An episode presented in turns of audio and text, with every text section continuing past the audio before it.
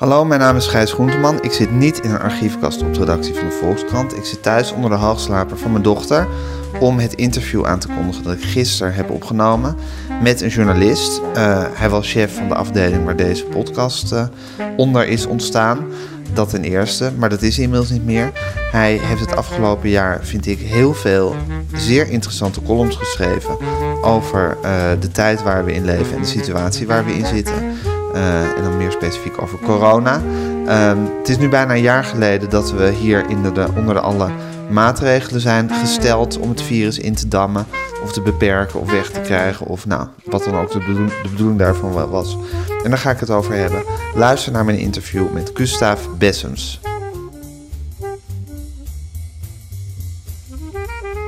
Zo, Gustav. Ja. Voelt het eigenlijk al als een jaar voor je dat die corona er is? Voelt het als een lang jaar of als een kort jaar? Het is grappig, want het is eigenlijk het stuk waar ik nu aan wil gaan beginnen. Oh, wat goed. Dan kan je meteen een beetje voorbereiden door middel van dit gesprek. Omdat, omdat ik me precies dit afvroeg. Uh, van, is het nou snel voorbij gegaan of langzaam voorbij gegaan? Ja. Allebei heb ik het idee.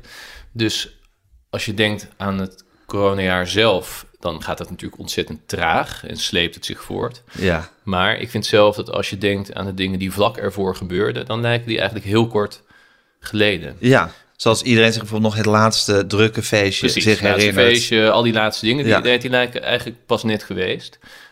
Uh, dus volgens mij komt dat omdat je onderweg eigenlijk geen markeringspunten hebt. Ik denk dat dat iets met je tijdsbesef doet. Er zijn geen nieuwe hoogtijdagen geweest in zin, geen nieuwe drukbezochte nee. huwelijken. Nee, en die bepalen dat iets een jaar is. Ja. Dat je denkt, oh ja, toen kwam dat en dat ja. en dat. En dat is er allemaal niet geweest. Dus dit is een beetje mijn veronderstelling. Maar ik wil dat nog gaan toetsen bij mensen die hier meer van die daar verstand van hebben. hersenen. Omdat het een soort eenvormige massa is geweest uh, ja. het jaar. Maar dat roept ook weer allerlei vragen bij me op. Daardoor dacht ik bijvoorbeeld van, hoe ervaar je dan een gevangenisstraf? Hè, van buiten zou je zeggen, dat duurt echt heel lang. Uh, maar misschien dat dat dus juist door de eenvormigheid... Ja, ik bedoel, ik zou het niet ambiëren. Nee. Uh, maar nou ja, naar al dat soort dingen nee, ben je zou ik dus kunnen zeggen dat stel je hebt tien jaar gevangenisstraf... dat zowel als, het, als die tien jaar voorbij vliegen... als dat wanneer die tien jaar eindeloos lang duren... dat het allebei een straf is. Ja. Dus dat het allebei een, een gevoelde straf ja. is. Namelijk dat er tien jaar van je leven zou zijn weggegaan... Of dat het, dat het een eindeloze hele ja. tocht is geweest. Nee, precies. Want dat laatste wat jij zegt, dat is bij de gedachte dat... Dus het, dat dit coronajaar, als je denkt van... Oh, het is, dat die dingen van vlak ervoor lijken kort geleden... is ook weer niet per se troostend, uh, inderdaad. Nee, het leven uh, is toch herinneringen maken. Ja, dus je ja. hebt wel tijd opgemaakt met niks. Eigenlijk. Ja, ja.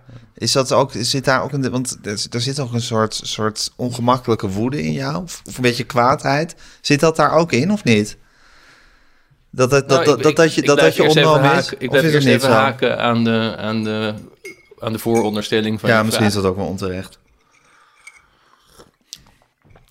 Nou, Waarom die, denk je dat er woede nou, in mij zit? Nou, niet woede is een, is een, is een groot woord, maar een uh, kritische scherp, laten we zeggen, geen gelatenheid nee. over wat er met ons is gebeurd en wat ons is overkomen. Niet zozeer wat het virus ons heeft aangedaan, maar, maar hoe er op, op het virus, want het virus is natuurlijk niet iets wat iets aandoet, nee. maar hoe er gereageerd is op het, ja. uh, op het virus. Ja. En daar voel je geen uh, gela gelatenheid bij. En je verbaast je wel over de gelatenheid van veel mensen. Dat is waar. Nee, dus ik zie wel een enorme urgentie al vanaf het begin. Uh, maar ik zou het jammer vinden als dat als woede overkwam. Want ik ja, zit eigenlijk woede is niet het goede ik zit woord. niet eigenlijk niet de hele tijd boos te zijn. Um, alleen ik heb wel al vanaf het begin het idee... Uh, nou ja, niet precies natuurlijk, maar wel iets over de schaal van wat ons overkomt. En ook wel heel sterk vanaf het begin, dit is geen medische aangelegenheid. Dit nee, is eigenlijk... Wat je laatst letterlijk in een column schreef. Ja, ja. maar dan dacht ik eigenlijk heel erg in het begin al, dacht ik, oké, okay, de aanleiding is medisch, overduidelijk, het is een virus. Uh, maar dat is uiteindelijk niet waar dit over gaat. Uiteindelijk is het iets wat een samenleving, een hele fragiele samenleving, onder hele grote stress gaat zetten. En daar kunnen we niet lang in zitten. Dus het is heel urgent om eigenlijk de snelste, minst slechte route daaruit te vinden. Um, en daar kan je dus ook niet zo heel veel fouten bij permitteren. Nee, en die, zou, die, die meende je vanaf het begin af aan gemaakt te zien worden. Ja, alhoewel ik daar helemaal in het begin heel erg over twijfelde. Of het uh, niet aan jezelf lag? Ja, omdat er iets gebeurde waar ik heel erg weinig van wist, zoals de meeste mensen, denk ik. Uh, ik wist niet zoveel van hoe coronavirussen zich gedroegen uh, of, of van wat de beste uh, respons op een pandemie zou zijn. Bovendien ehm, ja, had ik best veel vertrouwen in wetenschappers in het algemeen en Nederlandse wetenschappers en instituties in het bijzonder.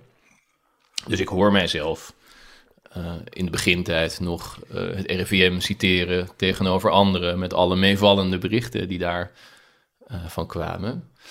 Maar op een gegeven moment begon om ten eerste dat ontzettend te wringen, dat ik dacht, hé, hey, maar wij zien hier toch met onze eigen ogen allerlei fysieke gebeurtenissen plaatsvinden, bijvoorbeeld op, op de gangen van Italiaanse ziekenhuizen die echt heel moeilijk zijn te verenigen met die geruststellende berichten. Dat was toen het RVM nog aan het tweeten was van uh, het, het, virus bereikt Europa niet en of ons land niet en we hoeven ons geen zorgen te niet maken. Niet zo besmettelijk. Niet zo besmettelijk, ja. terwijl je dus nou, letterlijk in een soort buurland, nou, een soort half buurland Italië, zag je de ramp zich al voltrekken. Ja, maar dat contrast was zo groot dat het een soort kortsluiting in mijn hoofd gaf. Want het was niet een, het was niet een accentverschilletje. Hè? Je, dus je ja, ik dacht echt, maar zie ik dan niet, net zoals een heleboel andere overigens, met mijn eigen ogen zich hier voltrekken wat zich daar voltrekt. Weet je? Uh, ja, en dus... die kortsluiting zat hem daarin natuurlijk, dat je dan eigenlijk je wereldbeeld, want je zou dat best een wereldbeeld kunnen noemen, ja. namelijk dat je vertrouwen hebt in de wetenschap in het algemeen en de Nederlandse wetenschap in het bijzonder, of tenminste dat je de Nederlandse wetenschap niet uh, laag aanschrijft, maar denkt van nou, dat is op enig niveau, ja. bevindt hij zich. En de wetenschap is toch een beetje de basis van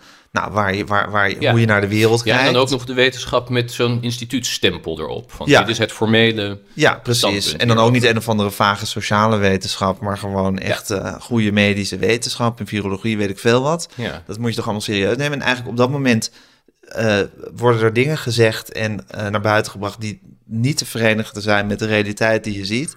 En dan kantelt eigenlijk je wereldbeeld. Want dan, moet, je, dan moet je dus eigenlijk de, een van de grondslagen van hoe je de wereld ziet, moet je gaan uh, in twijfel gaan trekken. Klopt. En maar, maar er is nog een tweede uh, strijd gaande op dat moment. En dat is, was in elk geval in mijn geval, maar ik denk ook dat ik daarin niet zo uniek was, met mijn eigen wensen natuurlijk.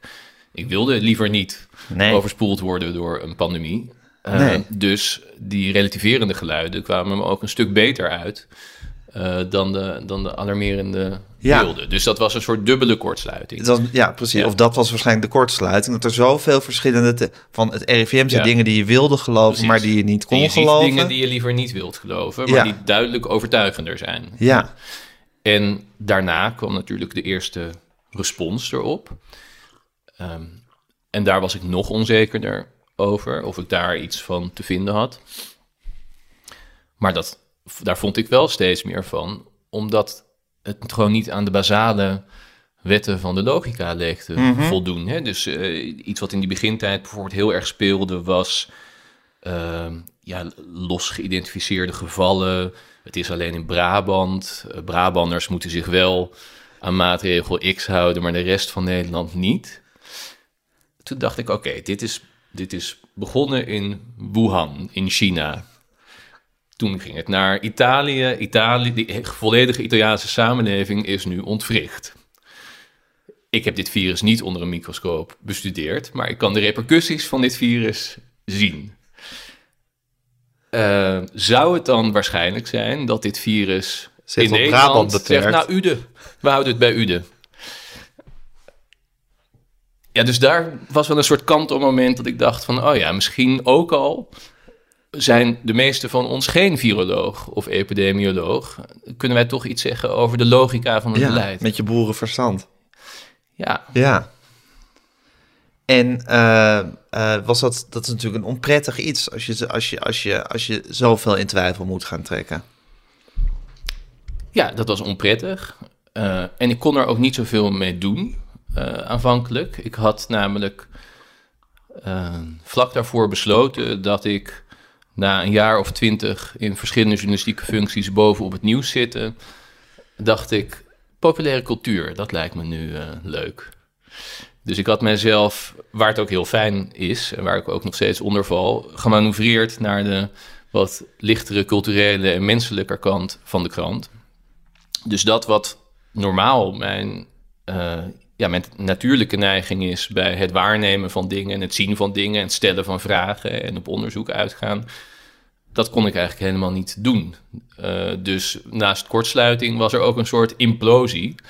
Uh, waarbij ik deze dingen eigenlijk vooral kwijt kon ja, aan mezelf hier in huis of uh, aan vrienden met wie en ik had je wel je, je normale, laat ik het even pathetisch zeggen, journalistieke reflex om er, om, er, om er heel veel van af te willen weten? Ja, zeker. Ja, dus je, zat, dus, dus je zat je heel intens te verdiepen en ondertussen moest je stukken schrijven over, weet ik veel, de nieuwe cd van Marco Borsato of zo. Ja, ja, precies die cd niet behandeld. Maar, nee, maar goed. Uh, maar ja, dus ik zat echt met mijn hoofd bij heel andere dingen. Um, en het is overigens bij mij, denk ik, ook niet alleen een journalistieke reflex. Het is ook hoe ik omga met een probleem. Hoe ga je om met een probleem? Door er alles van uh, te willen weten. dus dat valt gelukkig samen met wat ik, waar ik mijn werk van heb gemaakt. Ehm, maar dat is denk ik, hey, je ziet natuurlijk alles is interessant aan deze crisis, maar een van de vele dingen is dat je zo ontzettend goed kan zien hoe verschillende mensen uh, ja, verschillende copingstrategieën hanteren. Um, en voor mij is het altijd geruststellend om. Uh, zoveel mogelijk te weten. Om zoveel mogelijk te weten en ook ja, hoe hard uh, de werkelijkheid ook is, die zo vol mogelijk ja, in het gezicht te kijken eigenlijk. Ik vind dat uiteindelijk veel fijner en rustiger dan eromheen te cirkelen of te hopen dat het zal meevallen of weg te kijken. Ja, ja je wil gewoon het gevaar helemaal onder ogen zien. Uh, bedenken wat je, wat je er het beste, hoe je er het beste mee om kan gaan. Om ook je strategie te bepalen ja, vervolgens. Ja. ja. Wat dus iets anders is uh, dan bang zijn, uh, waar het vaak mee wordt het is, juist, het, het is juist de remedie tegen bang zijn, lijkt ja. me. Ja, maar het maffe is dat um, in de discussie wordt dat vaak andersom behandeld. Dus uh, als je uh, vrij vroeg zegt: hey, ik zie hier vier, vijf afschuwelijke kenmerken van wat er aan het gebeuren is. Ik denk dat deze gebeurtenis afschuwelijk is en hele grote consequenties heeft. Uh, dan wordt dat gezien als dat je bang bent. Terwijl als je zegt, uh, nou, laten we dit nuchter bekijken, het zal zo'n vaart niet lopen, uh, hè, dit zou we dus heel erg uh, mee kunnen vallen, dan wordt dat gezien alsof je niet bang bent.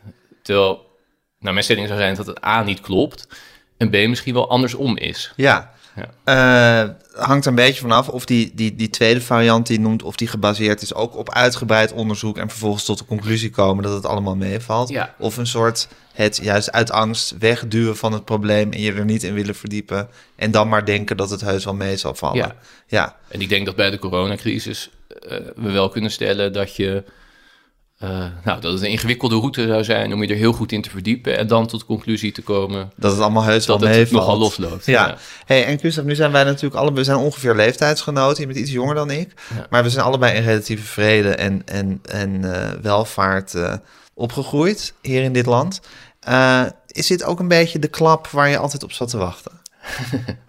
Waarom vraag je dat? Want uh, Gewoon, ben ik nieuwsgierig. Het, het, eerste, het eerste deel van je vraag nou, omdat wij natuurlijk allebei niet uh, grote rampen hebben meegemaakt nee. al in ons leven. Maar waarom zou ik dan erop hebben zitten wachten? Weet ik niet. Oké. Okay. Nee, want het klopt denk ik wel. Uh, maar ik was toch benieuwd naar, naar de achtergrond ervan. Um, ik heb altijd zeer beseft dat wat wij meemaakten uitzonderlijk is. het is geografisch uitzonderlijk. Hè? Als je gewoon kijkt naar de hele wereld, uh, dan is dit een van de meest welvarende, vrije, fijne plekken die er zijn. Dus daarin is het letterlijk al een uitzondering. En het is historisch uh, een uitzondering. De geschiedenis kenmerkt zich over het algemeen niet door... lange vreedzame lange, periode, vreedzame, periodes. fijne, welvarende periode met grote burgerlijke vrijheden. Um, en de, ja, het verraderlijke is, omdat er Kijk, als je, als je uitzoomt en grof kijkt, dan zie je vooruitgang op heel veel vlakken. En het verraderlijke is dan dus ten eerste om te denken dat dat een vanzelfsprekendheid is. Nou, dat is kennelijk hoe de wereld zich beweegt. Uh, ik, ik verheug me op de vooruitgang die hierna weer zal komen.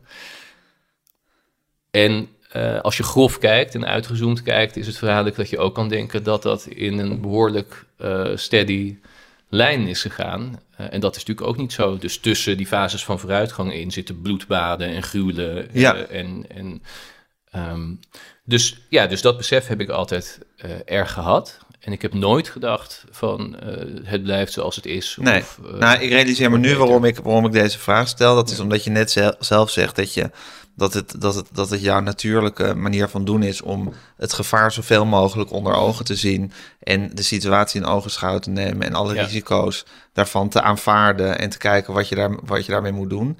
En inderdaad, als je gewoon logisch nadenkt en je denkt van nou, er is nu een periode van weet ik veel, 75 jaar relatieve vrede en, en stijgende welvaart geweest, dan zal er toch ergens een knik moeten komen. Ja.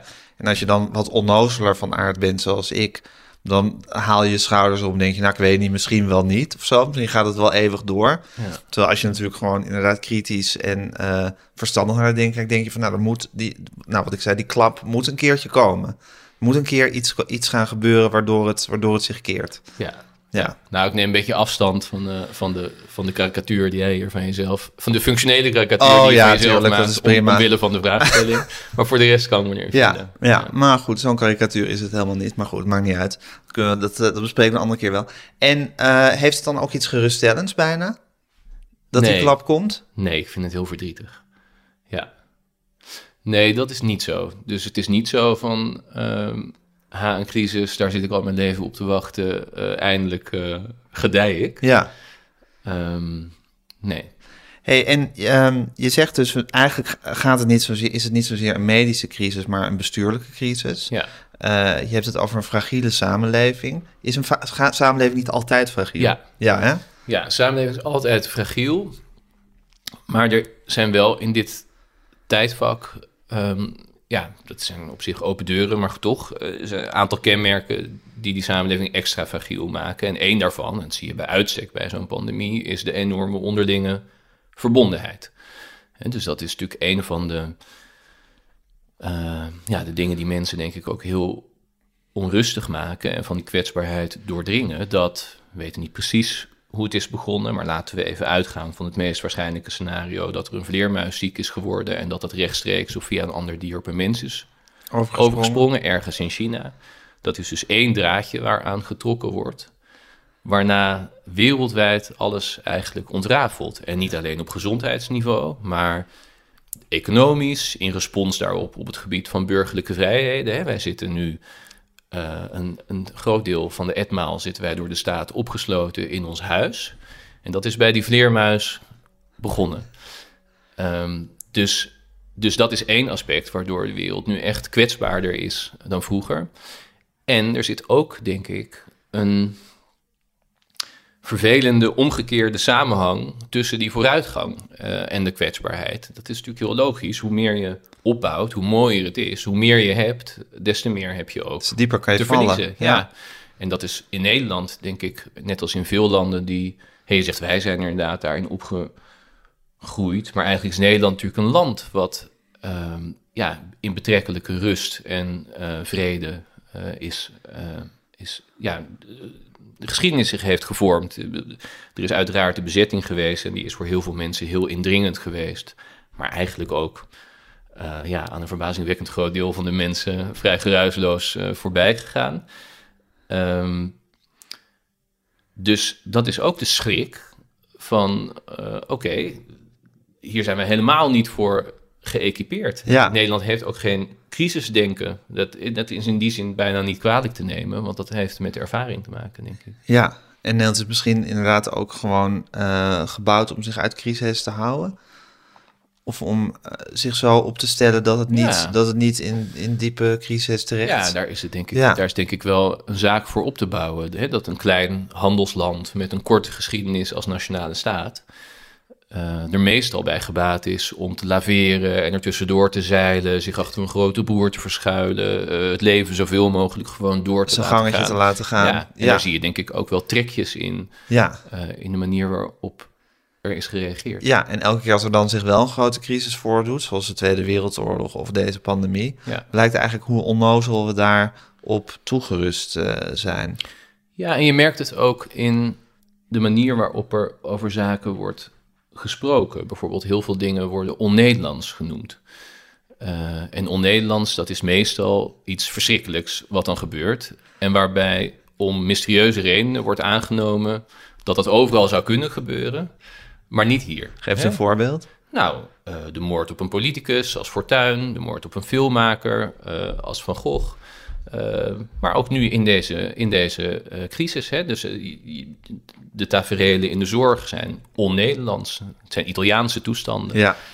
Um, dus of, of, de term Nederlands exceptionalisme is ook wel gevallen in deze crisis. Ja, en ik ben daar wel van onder de indruk geraakt. Dat is wel een echt iets. Er is een soort Waarbij Nederlanders zich vooral een soort, soort kalmte en georganiseerdheid ja. toedichten. Hè? Ja. ja, die jij ja, in twijfel totaal trekt. niet. Nou, die, die ik glashard ontken. Die trek ik niet. Nee, maar ja, dit is natuurlijk vaak. Hè. Kijk, als iemand zegt: Ik ben zo'n lekker gek mens. Dan weet je eigenlijk bijna zeker. Een saaie doos. Ja, is. dat ja. het alles behalve een gek mens is. Ja. Gaat een hele saaie avond tegemoet. Nou, dus dingen die mensen over zichzelf zeggen, dat is vaak eigenlijk... ontkenning. Ja. Dus wat zeggen Nederlanders over zichzelf? Die zeggen uh, dat ze tolerant zijn. Nou, dat is eigenlijk een soort vorig dossier waarvan we hebben kunnen zien dat was meer onverschilligheid dan uh, tolerantie. Um, en ze zeggen inderdaad over zichzelf dat ze nuchter zijn. Um, ja, dat is volgens mij ook helemaal niet waar. Volgens mij is Nederland een vrij hysterisch land.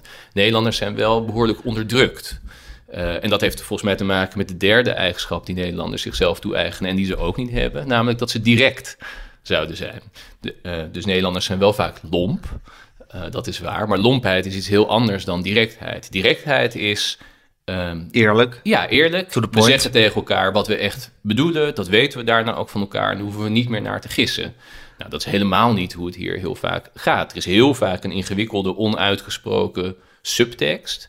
En er zijn ook heel veel ingehouden gevoelens die dan ineens, en dat vinden we dan weer on-Nederlands, tot, tot eruptie ja. kunnen komen. Ja. Ja, ja. dus uh, Nederlanders dichten zich allerlei uh, eigenschappen toe die ze dus in een tijd van als, als, als de nood aan de man is ineens totaal niet blijken te hebben. Nee. Integendeel juist. Ja. Um, Hier moet even bij worden gezegd, generaliseren. Generaliserend, uiteraard. Met excuses aan al die nuchtere, tolerante, ja. directe Nederlanders. Je maakt een soort opstaande beweging. Ik neem een beetje water. Oh, je neemt een beetje water ja. erbij, dat is goed.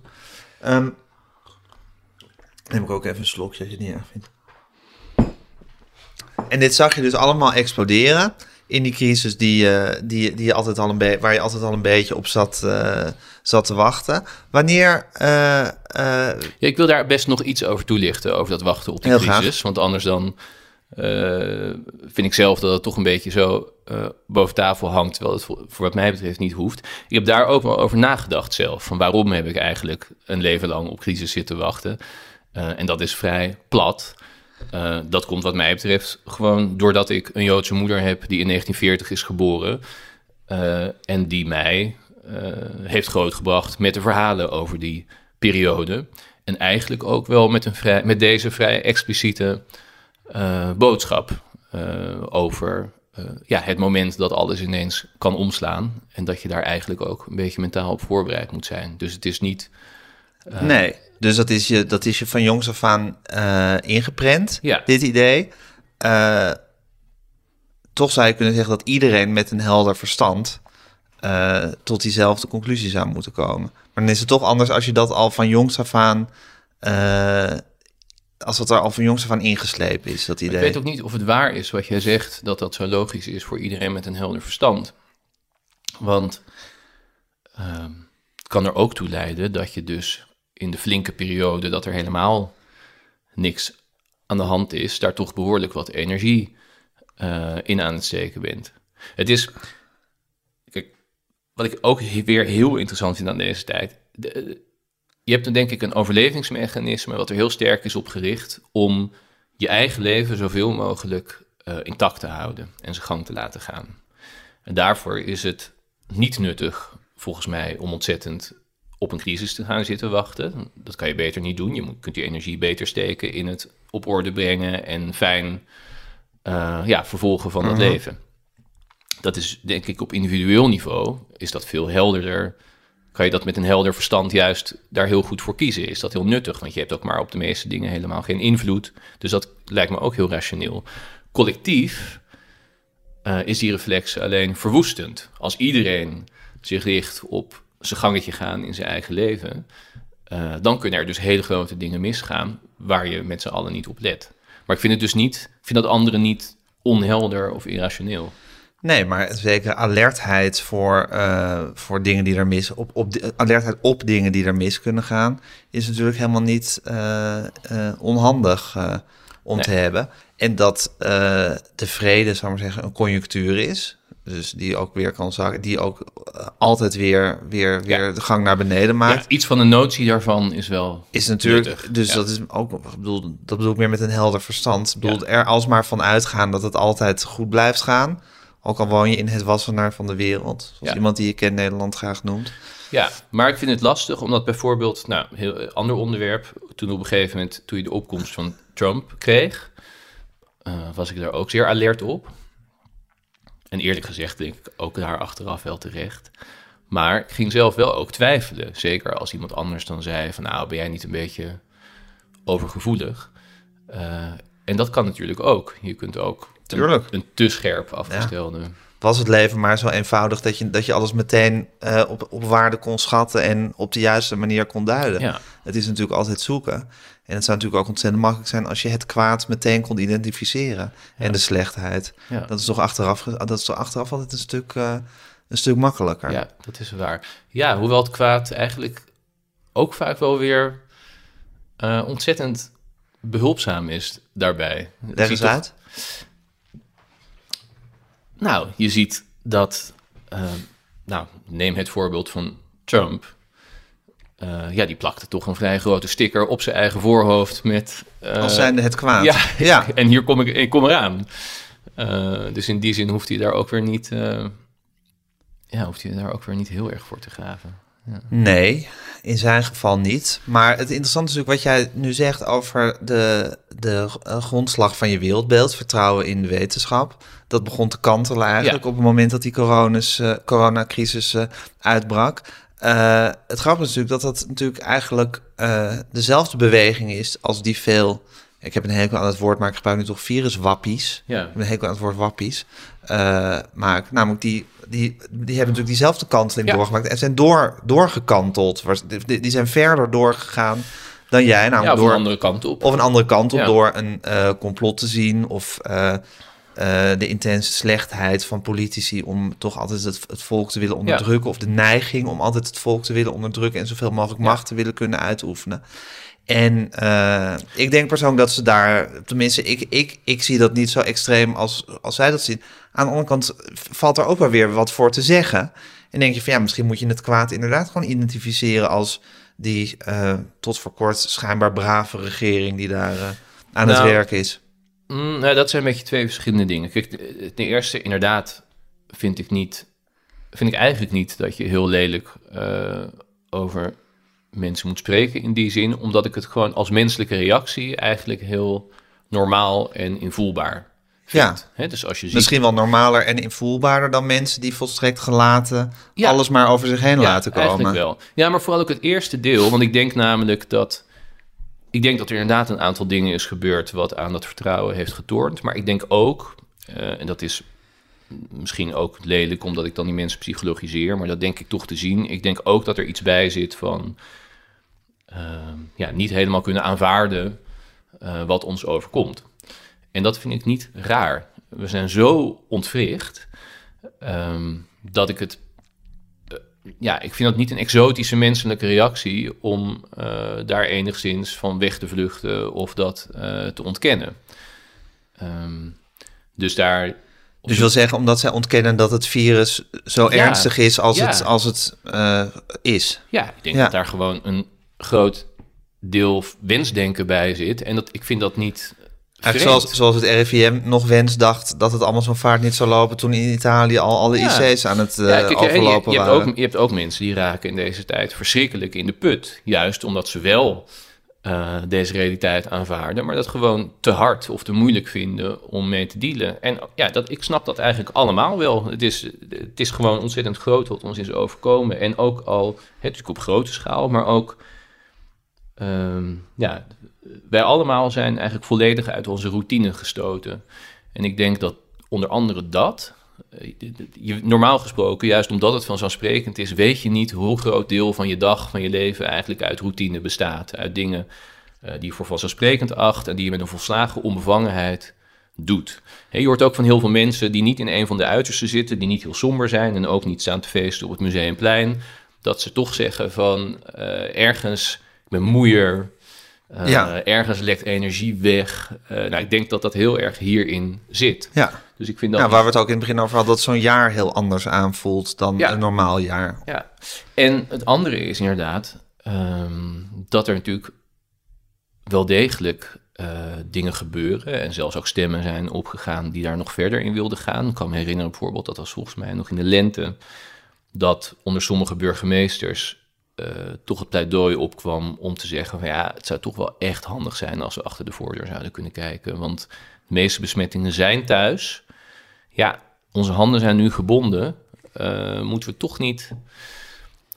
Ja, dus daar zit een verschrikkelijke kant aan. Hè? En ook deze avondklok soms wordt er wel eens gezegd, nou, waarom is dat nou de ergste maatregel? Want, uh, Door mij ja, onder andere.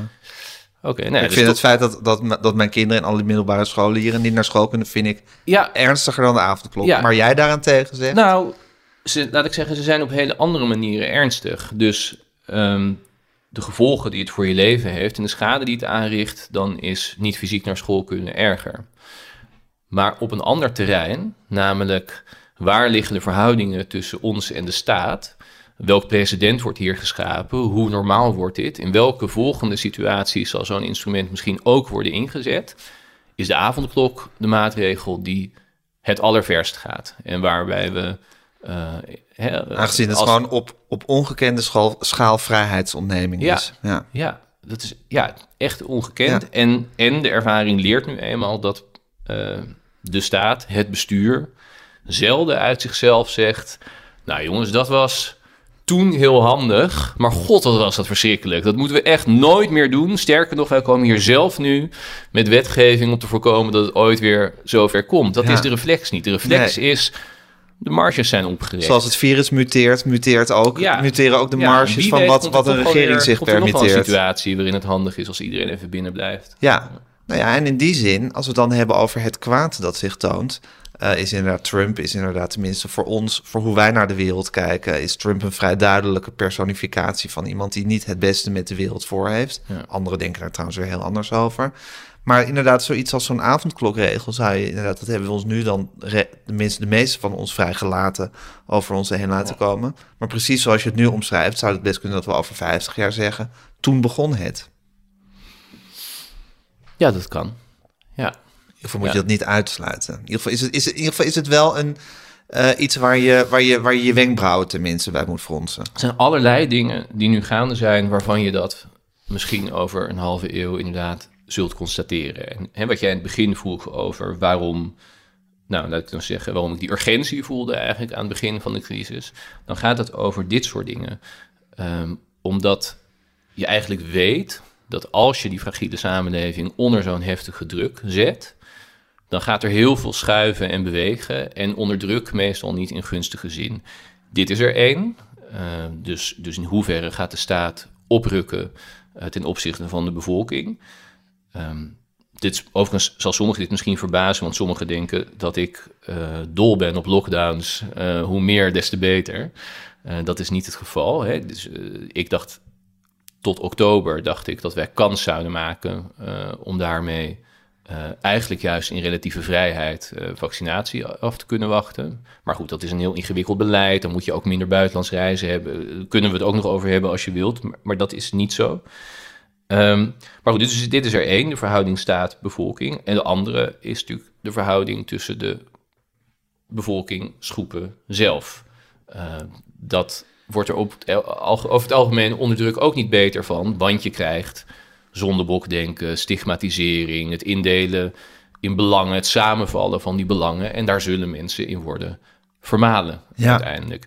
Dus eh, ja, eigenlijk, misschien zijn dat eigenlijk wel de twee belangrijkste terreinen waarom ik toen dacht, ehm, dit mag niet te lang duren.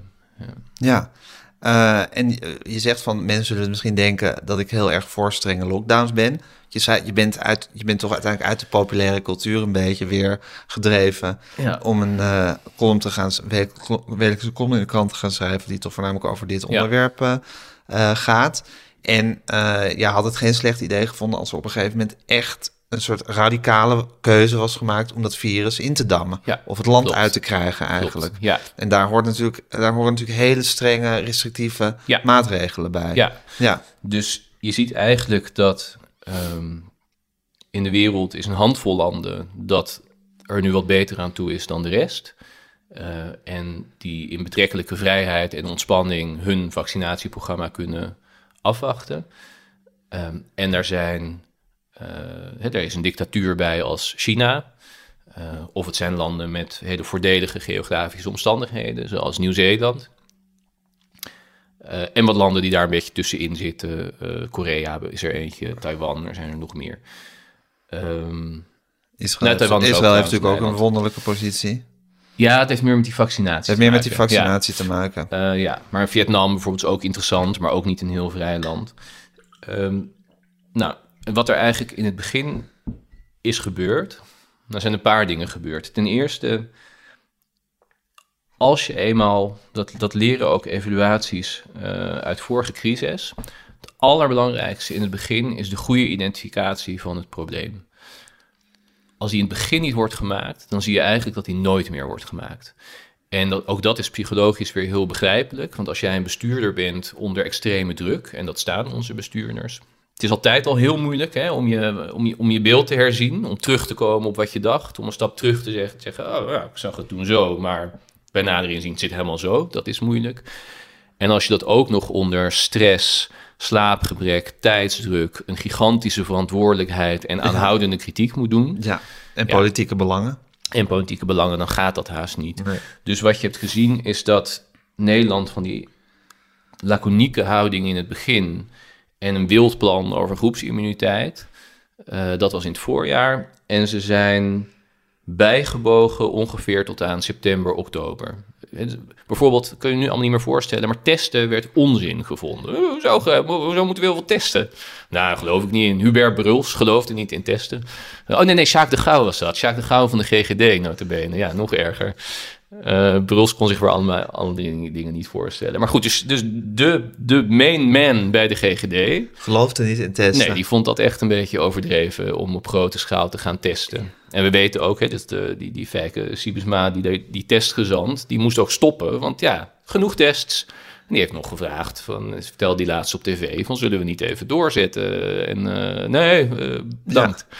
Dus, dus daar komt Nederland Ja, en toen was ook zo van als er dan eventjes wat minder vraag was, dan werd de testcapaciteit ook onmiddellijk Ja. afgebouwd. Ja, dat, Is van de, dat, is, dat was van de zomer. Ja. Dat was weer deze, eh, de Gauw overigens, die zei van... ja, we kunnen niet hebben dat hier mensen duimen, zitten, zitten te draaien. Ja. Dus eh, we sturen ze weer weg.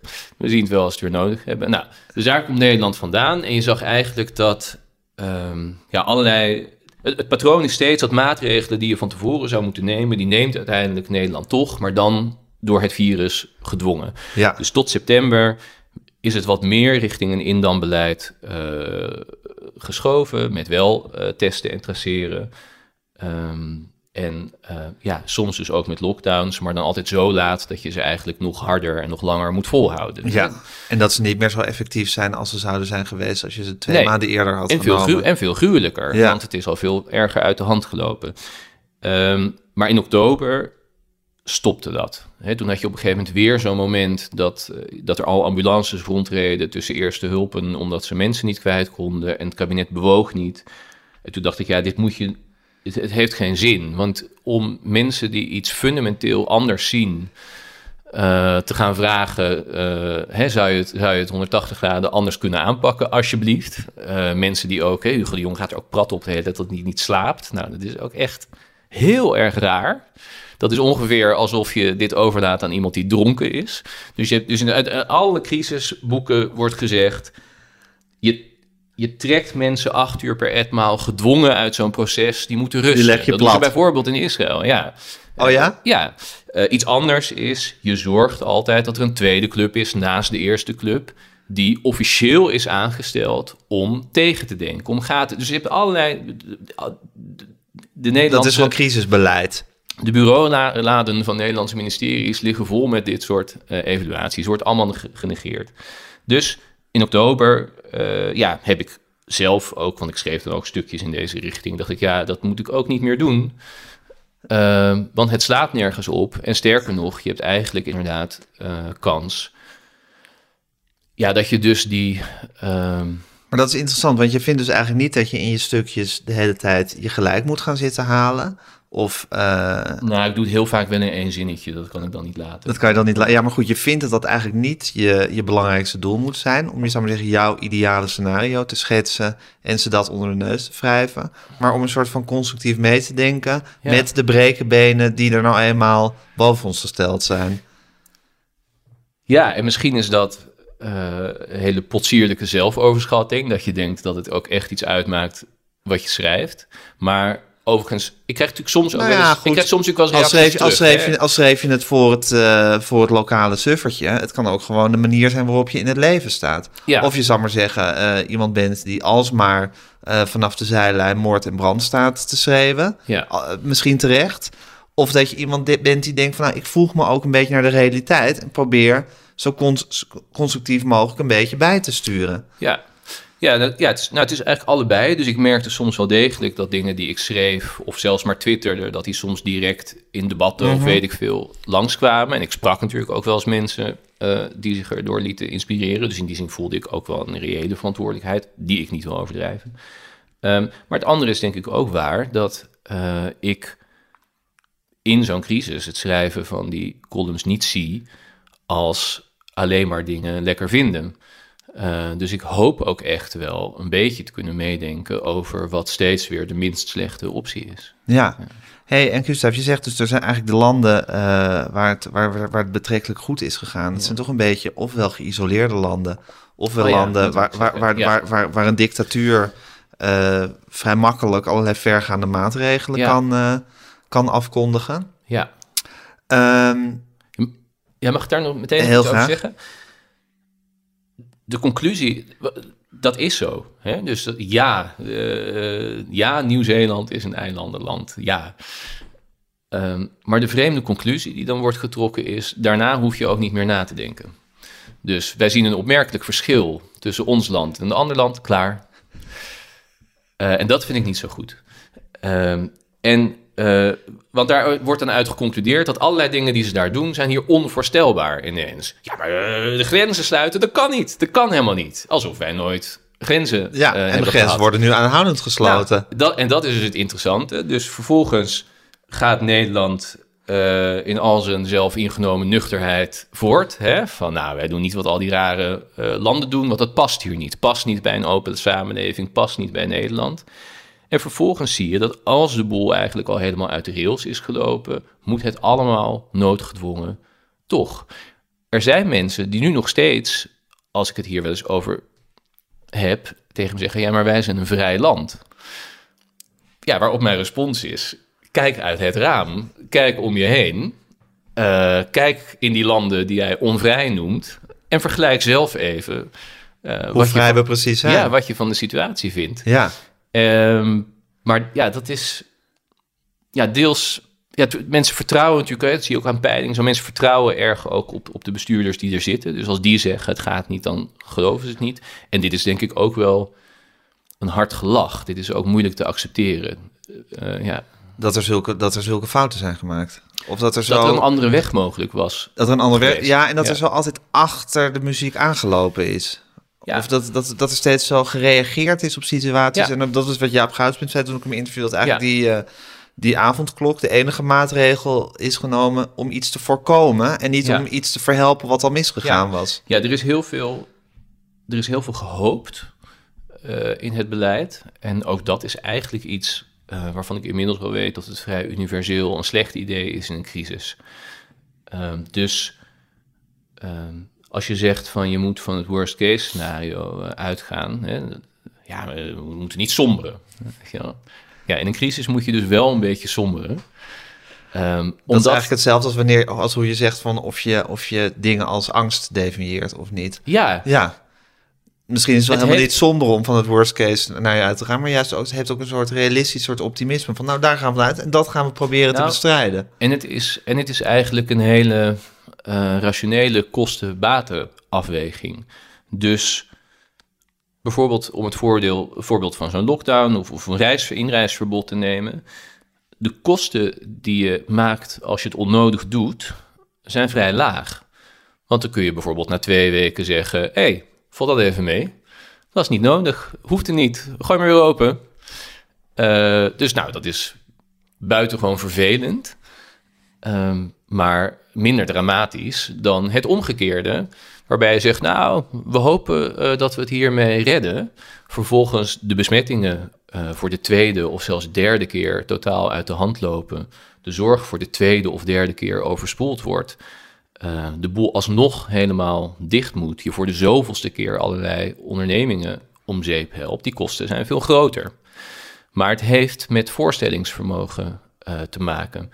Nu eh, kunnen wij ons veel meer voorstellen eh, bij wat er gebeurt en hoe erg het is als dat gebeurt. En eh, ja, als je nu misschien terug zou gaan, dan zou je misschien wel meer mensen ervan kunnen overtuigen en kunnen zeggen, nou, het, is, het loont toch om er ietsje vroeger bij te zijn. Ja, om een heel simpel voort, voorbeeld te nemen. Als we wisten wat er nu gebeurde, hadden we eer vorig jaar carnaval maar afgelast. ja, Ja, zo'n sim- Ja, zo- dat is een- zoiets simpels wat toen onvoorstelbaar was. Ja, en dat is een tricky voorbeeld, omdat dat is een geliefd voorbeeld van de mensen die het laten ingrijpen eh, verdedigen. Want dan zeggen ze ja, maar er was geen draagvlak voor geweest en dat had je nooit voor elkaar gekregen. En het is hun lievelingsvoorbeeld omdat het zo vroeg is en omdat het inderdaad op dat gebied zo moeilijk was geweest. Terwijl er daarna nou ja, nog zeven maanden voorbeelden eh, zijn geweest van soortgelijke interventies die niet zijn genomen. Maar het referentiekader was ons gewone leven. Bij ons gewone leven hoort zomers lekker naar Spanje vliegen. En dan is zomers niet lekker naar Spanje vliegen, is ontzettend raar. Als je nu zou zeggen, wil je in je huis opgesloten worden of een keertje Spanje overslaan, dan zouden misschien meer mensen zeggen, nou, ik ga een keertje naar Zeeland eh, en dan wil ik straks eh, mijn huis uit kunnen. Ja, ja. Dus het is inderdaad, eh, door dingen te ervaren kan je dingen ook heel anders gaan eh, beoordelen. Ja. Wat natuurlijk interessant is, die landen waar het wel goed gegaan of waar het beter is gegaan, nou laten we Nieuw-Zeeland, zou dat nou zo zijn omdat ze daadwerkelijk geïsoleerd zijn van de wereld, omdat ze een eiland zijn? Terwijl je zegt van, ja goed, daar vliegen toch ook de hele dag vliegtuigen Ja. op en neer. En die zijn toch ook, ze zijn ook weer niet, het is ook weer niet een of andere rare afgelegen stam. Het is ook gewoon een deel van de westerse wereld. Ehm, of zou het ook een mentaliteitskwestie zijn? Ja, allebei. Ja, en een leiderschapskwestie. Dus je bent, ja, dit is allemaal, zodra je het gaat uitleggen, wordt het ook allemaal te simpel. Maar er komen, er zijn natuurlijk cruciale momenten waarop een aantal dingen bij elkaar komt. Dus die, die laconieke houding van de officiële, eh, officiële Nederlandse wetenschap was er. Maar er is in Nederland ook een hele, eh, ja, we hebben een hele specifieke premier, toch wel. Eh, en dat is ook wel een soort cocktail geworden eh, die, die mee verklaart hoe het is gegaan. Waar is onze premier specifiek in? Dat hij nog veel meer dan andere politici op zijn eigen overleven is eh, gericht, op zijn overleven als politicus. Ehm, dat hoort natuurlijk bij politici. Hè. Niemand is een soort zuivere idealist die alleen maar bezig is met hoe hij de samenleving beter Dan kan ben je ook maken. na een half jaar weer gezien. Precies, want ja. ze moeten allemaal stemmen trekken, ze moeten allemaal eh, draagvlak hebben. Maar er zijn niet zoveel politici voor wie de inhoud of de feitelijke repercussies van het beleid volledig irrelevant zijn. Dus wij hebben een minister-president en die 100% van zijn energie steekt in dat Overleven. beeldvormingsaspect, in dat overleven. Eh, en ehm, en eh, het grappige ervan is dat als ik dit zeg, dan geloven heel veel mensen dat niet. En dat komt weer omdat hij daar zo ontzettend goed in heeft geïnvesteerd. Dus als jij je handen vrij hebt en 100% van je energie steekt in zorgen dat mensen jou een toffe peer vinden, dat loont in die zin. Zeker als je er zo goed in bent. Precies, ja. Ja. ja. maar ook als je je nergens anders eh, echt druk om maakt. Eh, dat scheelt natuurlijk ook ontzettend. Bij de meeste politici zie je toch, als ze bijvoorbeeld eh, een compromis moeten verkopen wat ze zelf niet helemaal zien zitten. Ze doen hun best, Maar ergens voel je het, ergens tekent het. Ehm, en dat is, uh, is een goed boek over hem verschenen van Peter de Koning van NRC. Dat zou het iedereen zeer aanraden. En dan zie je eigenlijk in zijn hele loopbaan is dit de focus. Hoe vestig ik mijn plaats in de geschiedenis? Politiek als spel, politiek als hobby. Um, en eigenlijk alles waar die politiek over gaat als een toevallig ingrediënt daarvan. Ja. En ik denk dus, dus eigenlijk dat... is dat interview wat hij nu aan Jort Kelder heeft gegeven... en van de weinige interviews ja. die net is tekenend... want dat gaat over die hobby. Exact. Ja. Veel mensen die waren daar verontwaardigd over... dat hey, het is niet goed dat een vriend de premier interviewt. Uh, nou, dat is ook niet netjes. Maar wat een beetje aan de aandacht ontsnapte... is hoe ontzettend raar het is... om midden in een crisis waar mensen in jouw land, het land dat jij leidt, echt verschrikkelijk onder lijden, is eventjes aan de hand van oude speeches te gaan bekijken hoe jij in die geschiedenis past. Hoe jouw torentjes uitspraken, of die, hoe die daar een beetje in dat rijtje passen. Dat is zo verwrongen, dat is zo krankzinnig ver weg van de realiteit van iemand die doodgaat op de eerste hulp of die zijn zaak kapot ziet gaan of van al die ja, of die fucking toeslagenaffaire. Om, da om daar maar eens van te zwijgen. Ja. Ja, ja, ja. en dat is. En dat dat lukt, dat heeft te maken met dat hij dus ook een reflex nog sterker heeft, nog niets ontziender eigenlijk dan andere politici. Uh, nou, ik heb wel eens een, een, iemand, een politicus geciteerd die dat, vond ik, goed formuleerde. Mark Rutte zorgt dat er altijd één iemand zit, minstens één iemand zit tussen hemzelf en een probleem. Um, en dat zie je ook eigenlijk in het hele traject van tien jaar. Hè. Je ziet dus mensen om hem heen eigenlijk als bosjes Vallen. Vallen, sneuvelen, onderuit gaan. Nooit kleeft het aan hem. In deze crisis is ook vaak gesignaleerd hè, van Hugo de Jonge. Die vinden wij allemaal een verschrikkelijke sukkel. Maar alles komt ook. Hashtag Hugo de Jonge kan niks. Ja, nooit Mark Rutte kan niks. Nee. Um, Sterker nog, Mark Rutte populairder dan ooit. Exact, crisismanager. Uh, maar Mark Rutte managt beeldvormingscrisis. Dat is zijn kracht. Dus wat hij goed kan, is als coalitiegenoten ruzie hebben, dan zorgt hij dat er iets wordt uitgemiddeld uh, waardoor ze door kunnen. Als de beeldvorming slecht is, dan zorgt hij dat die beeldvorming wordt verbeterd. Desnoods door de kwestie aan een uh, vaak VVD-collega te hangen die dan uh, weg moet. Dat is bijvoorbeeld één methode. En ik denk dus dat eigenlijk al in die beginperiode um, is dit op een afschuwelijke manier samengekomen met die rol van Jaap van Dissel en het RIVM. dus de, de tekst die iedereen zich nog kan herinneren van Rutte, dat is hij later onder andere op aandringen van dat OMT, niet, heeft hij dat niet meer gezegd. De adviezen van de deskundigen zijn heilig. Wij luisteren uh, naar de wetenschap. Ja, de deskundige adviezen zijn heilig. Hugo de Jonge is de coronaminister. En ik, ik ben jullie vriendelijke uitvoerder. Ik zit hier eigenlijk een beetje met jullie in hetzelfde schuitje te wachten wat de deskundigen zeggen en wat die sukkel van een coronaminister gaat doen. En, en ik probeer ons daar een beetje doorheen te leiden. Um, er was een moment, het was vlak voor de eerste schoolsluiting, die letterlijk zei in de Tweede Kamer: Ja, maar jongens, toen ging het nog over: moeten de scholen niet dicht? Was juist pressie voor. Ik wil ook liever de scholen dichtgooien, maar de deskundigen zeggen dat het niet moet. Nou, de waanzin van die constructie, die is denk ik tot heel veel mensen toch nooit echt uh, doorgedrongen. Daar komt hij mee weg. Ja, omdat hij zich op een briljante manier, tenminste uit opportunistisch oog op een briljante manier, weet te manoeuvreren in een positie dat hij, dat hij ermee wegkomt. En dat op een of andere manier uh, hem niks aan te rekenen is. Als we het nou hebben over het kwaad. Kijk, ik wil nu niet zeggen dat Rutte het kwaad is. Nee, maar goed, dit is het precies wat jij nu omschrijft. Hè?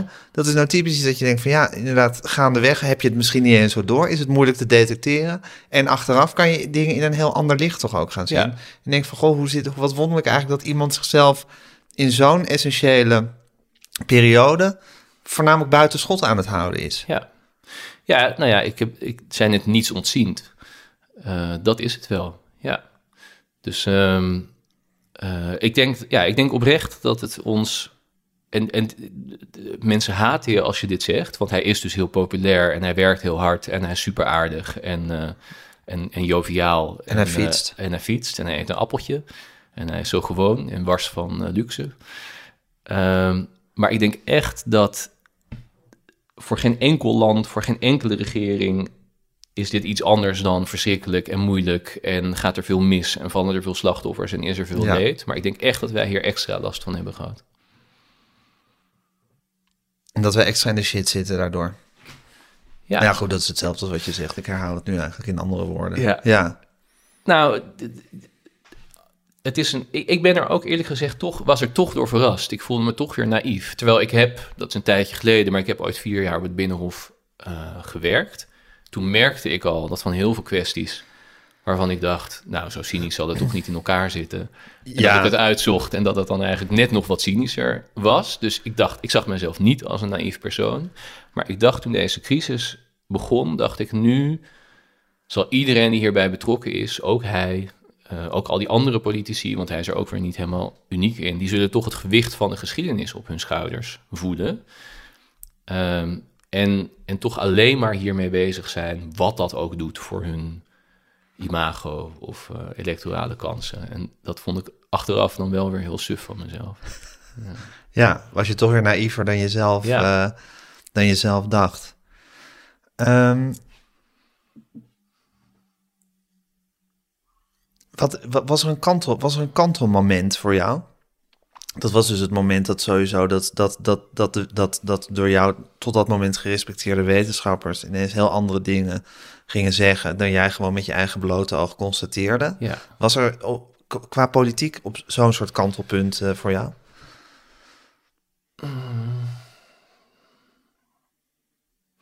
Nou, ik vond, dat, dat was eigenlijk ook al heel vroeg. Ik vond in elk geval die eerste torentje toespraak van Rutte al heel vreemd. Dus dat was die toespraak waarin hij... Hij zegt nu, hij zegt dus hardop in de Kamer, zegt hij... Ik heb nooit een toespraak over groepsimmuniteit gehouden. Ehm, en daar wordt eigenlijk ook... Iedereen haalt er de schouders over op. Zegt hij dat hardop in de kamer? Zeker, ja, ja, ja. ja. Eh, ik, eh, nee, die was er niet. En bedoelt hij van het ging over meer, of ik weet echt niet wat hij bedoelt. Maar dit Ja, als zegt een hij. deken moest dat, moest dat, moest dat eh, virus over ons heen Ja, uitgerold worden. Ik kan me wel ik in ieder geval bij die toespraak meteen al heel ongemakkelijk werd. Want ik verwachtte die avond dat ons een hart onder de riem zou worden gestoken. En ja, net als iedereen leek me dat wel prettig. En ineens kwam daar ja, toch vrij ingrijpend beleidsidee doorheen. Ehm, dus dat heeft toen ook al wel en, en, en daar werd achteraf, misschien, eh, nou niet een kantelmoment, maar wat ik wel heel tekenend vind, is dat er nooit daarna is gezegd wat ik eigenlijk volkomen legitiem zou vinden in zo'n ongekende crisis. Inderdaad, Dat was een fout. op dat moment eh, was dat onze inschatting, eh, maar dat was niet goed. Nee. nee, maar dat is inderdaad het wonderlijke ook. Dat, dat, dat er is wel vanaf het begin af aan gezegd, of tenminste dat, dat waren Rutte's eh, woorden van op basis van 50% van de kennis moeten 100% van de beslissingen Ja. worden genomen. Ja, ja. Nou, daar, daar valt iets voor te zeggen toch, voor die uitspraak. Maar er, vervolgens wordt er dan nooit op teruggekomen. En we hebben op basis van 50% van die kennis de foute beslissing genomen. Nou, ik zal je nog iets noemen wat Rutte met veel succes doet, eh, wat weinig wordt doorzien. En dat is, hij neemt altijd je termen over. Hè, jij zegt bijvoorbeeld een tijdje geleden in dit gesprek, zeg je, jij was voor een beleid van indammen. Als je het aan Rutte vraagt, is hij tegenwoordig aan het indammen. Ehm, dus hij neemt de woorden van zijn critici over, want dit waren critici in de Kamer die dat zeiden, zonder de betekenis daarbij. Ehm, hij, zal, hij zegt bijvoorbeeld ook heel vaak, ja, als je een fout maakt, moet je dat gewoon toegeven. Dan moet je gewoon toegeven, een fout. En zogenaamd doet hij dat dan ook. Zegt, nou, wat echt niet goed was. En dan komt er echt een futiliteit, weet je wel. Een, eh, of iets wat totaal onbegrijpelijk is. Bijvoorbeeld over september heeft hij dan zo'n belangrijke fout eh, toegegeven.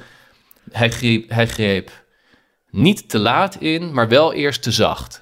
Ja. Ja, dat... Weet je wel, daar, dat is hetzelfde.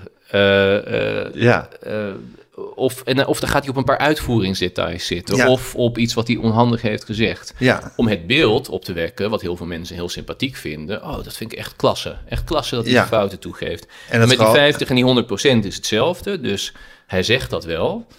We moeten met 5% van de informatie 100% van de beslissingen nemen. Maar als dat echt zo zou zijn, dan zouden er dus veel meer duidelijke momenten moeten zijn geweest waarin hij zou zeggen: hey, dit wisten we eerst niet. Daardoor deden we X. ja. Nu weten Nu we weten we het wel. Daarom doen we nu Y. Ja, en Dat hadden is- we beter X niet kunnen doen. Precies, Ja. ja. Dus, dus voortsch- voortschrijd, bij voortschrijdend inzicht hoort ook rekenschap. Ja. Daar hoort bij dat je zegt, en op grond hiervan denken wij er nu anders over. Ja. Maar dat wordt als politiek gezichtsverlies gezien. Ja, en Eh, dat is natuurlijk uit den boze. Ja, Ja. Fascinerend, hè? ja ook wel fascinerend. Nou ja, het is heel grappig, omdat je toch inderdaad, omdat we het dus hadden over het kwaad en hoe, hoe makkelijk zich dat toonde in, eh, in Trump. En eh, ik maakte een podcast Of, over. of in jihadisten die een toren invliegen. Tuurlijk, of- tuurlijk, nee Ja. zeker. Maar goed, met, Trump is dan een democratisch gekozen leider van de westerse wereld. Iemand met wie we Ja. ons graag zouden willen identificeren. Ja. Maar dat niet konden omdat het, eh, omdat het een schreeuwlelijk was. En ik maakte een podcast over die Amerikaanse verkiezingen. En waar we het ook over hadden, uiteindelijk zaten we altijd over de psychologie van Trump te praten. Hoe, hoe zijn wonderlijke brein functioneerde en hoe dat alles beïnvloedde eigenlijk. Ja. Eigenlijk is dat met Rutte, zou je kunnen zeggen, hetzelfde, is, zou er hetzelfde aan de hand moeten zijn. Maar op een of andere manier, omdat hij die, die soort vlakheid heeft, of soort dat, dat respectabele voorkomen en die, eh, die sympathieke, op het oog sympathieke en handige manier van functioneren, is dat een bijna eh, ongedefinieerd gebied? Of is dat, Nou, word je daar wel- minder nou, makkelijk heen wel- geleid? Ja, maar hij heeft ook niet een afschuwelijke agenda. Nee. Eh, en dat had Trump wel. Trump wilde ook expliciet allerlei dingen die heel erg waren voor andere mensen.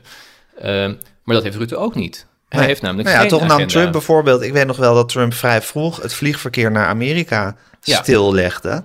Eh, wat ik toen een, een, een, een groteske, belachelijke en schandalige maatregel Ja. vond. Waarvan je achteraf kan zeggen, nou, dat was eigenlijk misschien wel het enige juiste om te beslissen. Dus hij had misschien wel een afschuwelijke agenda, of hij zit sowieso heel verknipt in elkaar. Maar nam met daarmee dan toch soms ook wel weer gewoon de goede beslissingen.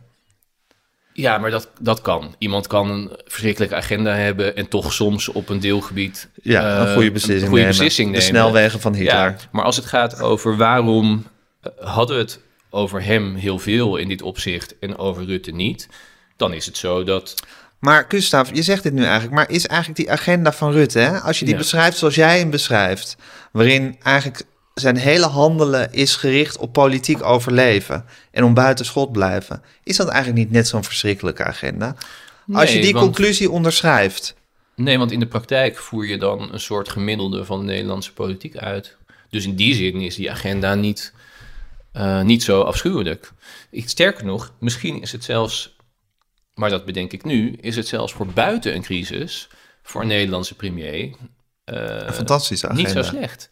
Want, eh, en daar is het misschien ook een beetje uit geboren. Hè? Zo is de, de positie van de Nederlandse premier is formeel ook niet zo machtig.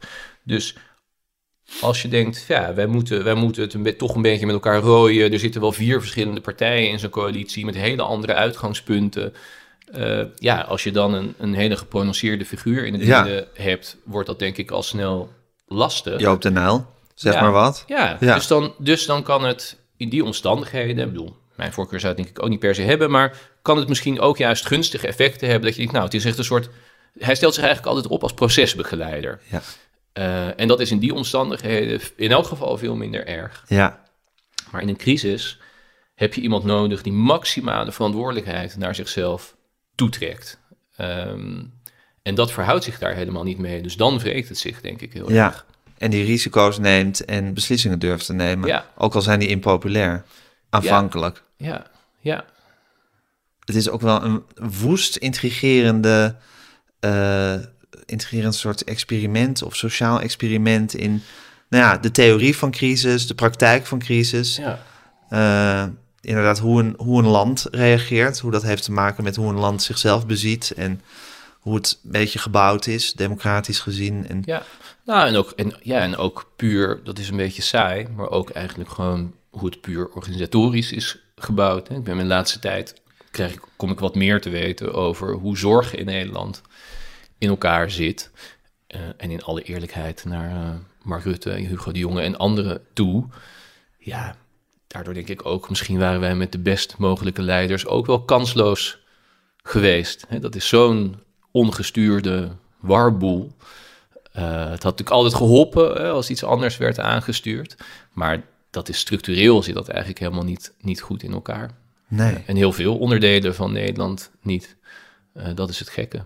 En dat is ook, als je dat goed wilt krijgen, dan zijn dat allemaal hele, dat zouden eigenlijk allemaal hele saaie, eh, ongeïnspireerde eh, beloftes zijn. Hè? Dus een discussie nu is bijvoorbeeld ook van, eh, waar, waar moeten deze verkiezingen over gaan? En, en het is heel populair om te zeggen, nou het moet over meer gaan dan corona. We moeten voorbij de crisis kijken. Wat willen wij voor land? Um, en dan worden er allerlei mooie dingen bedacht. Nou, afhankelijk van welke partij je bent, wil je een, een hoger minimumloon of nou ja, allemaal alle andere ideeën die politieke partijen hebben. Het zou natuurlijk ontzettend saaie campagne zijn als je zou zeggen, nou, als ik, als ik het word, dan ga ik de basis een beetje op orde brengen. Het is, zoveel dingen blijken in deze crisis hier zo'n shitzooi te zijn. Dat jongens, dat kan echt niet meer. Nu hadden we deze pandemie, maar de volgende keer valt de stroom uit, uh, net als in Texas. Of we hebben een cyberattack of een hele grote terroristische... En dan, en dan stort de boel... En dan blijkt het weer een zootje Storten we weer zijn. in elkaar. Ja. Dat kan echt niet. Uh, dus laten we even iets minder uh, mooie plannen doen. En iets minder doen alsof Nederland een soort fantastisch af land is. is. Ja, ja, waar we alleen nog de allerlaatste kerstjes op de taart hoeven te zetten voordat we gaan smikkelen.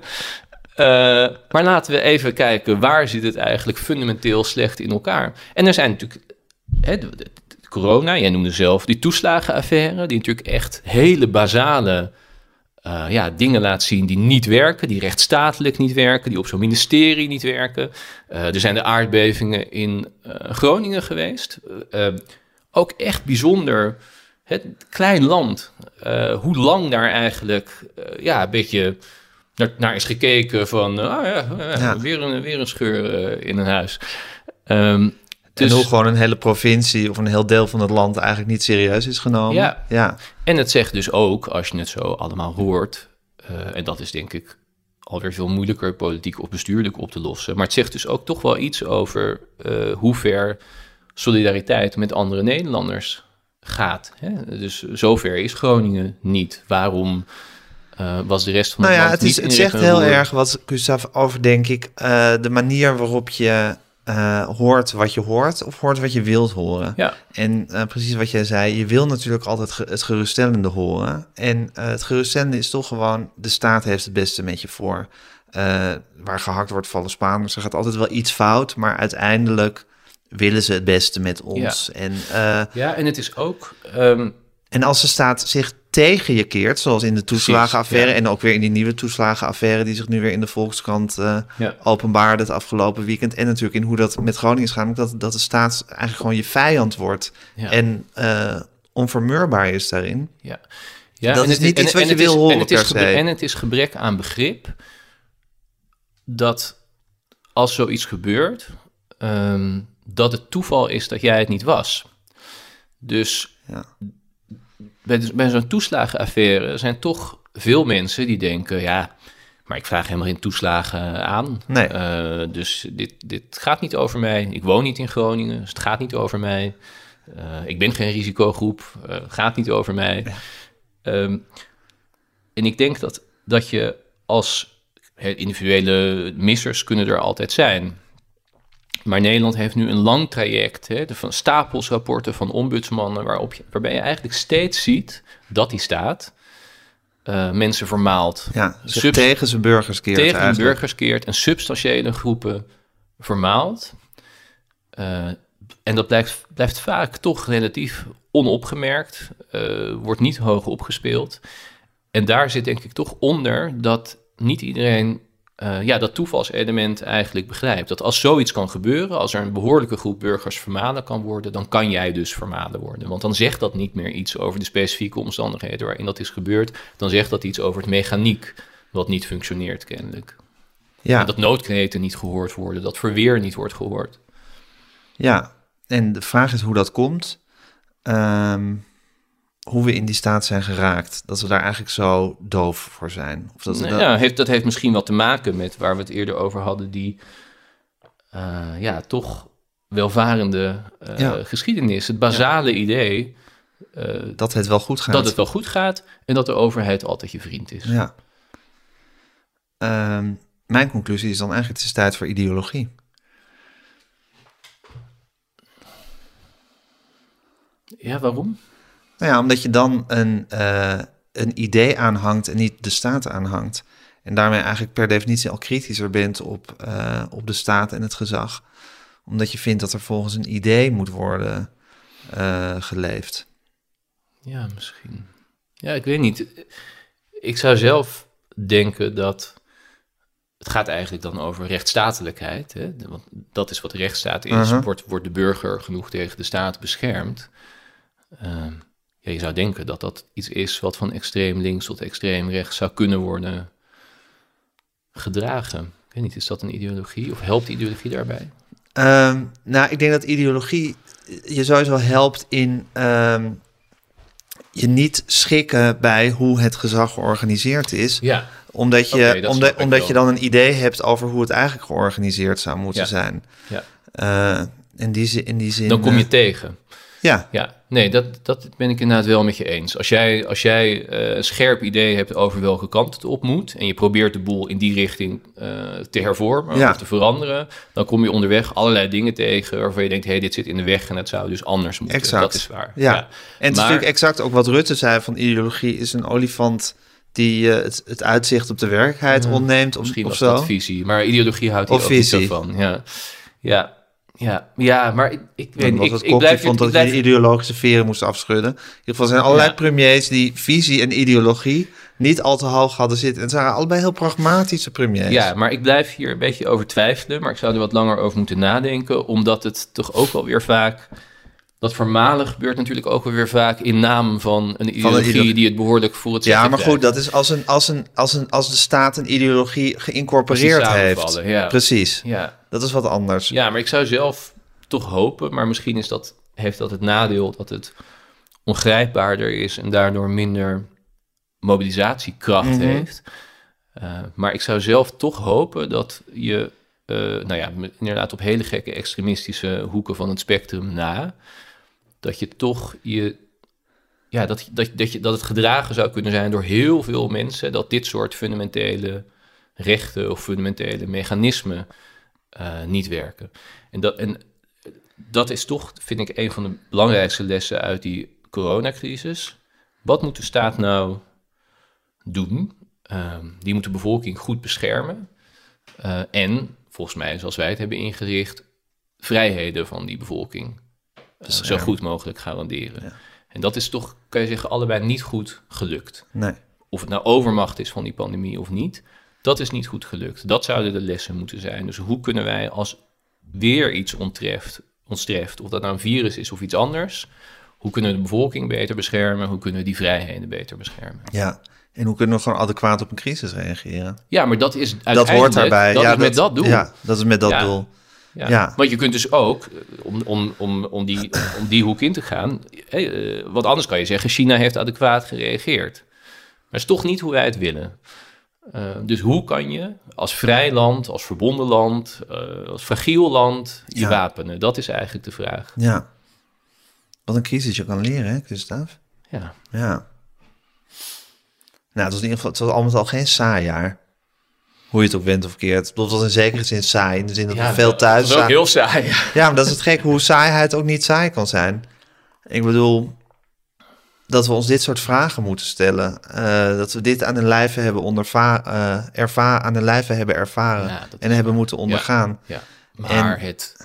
Maar goed, het is, ja, dit, dit is open deur. Dat, dat intussen gewoon alle plezier eruit geperst is, Ja, dat is natuurlijk heel saai. ja. We gaan het zien. Dankjewel, Gustav. Graag gedaan. Ja, ook bedankt.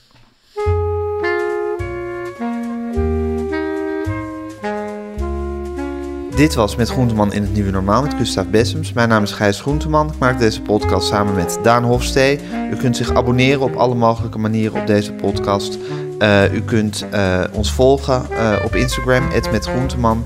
U kunt ons een mailtje sturen, podcasts.volkskrant.nl. En geef ons vooral, als dat kan, lekker veel sterretjes.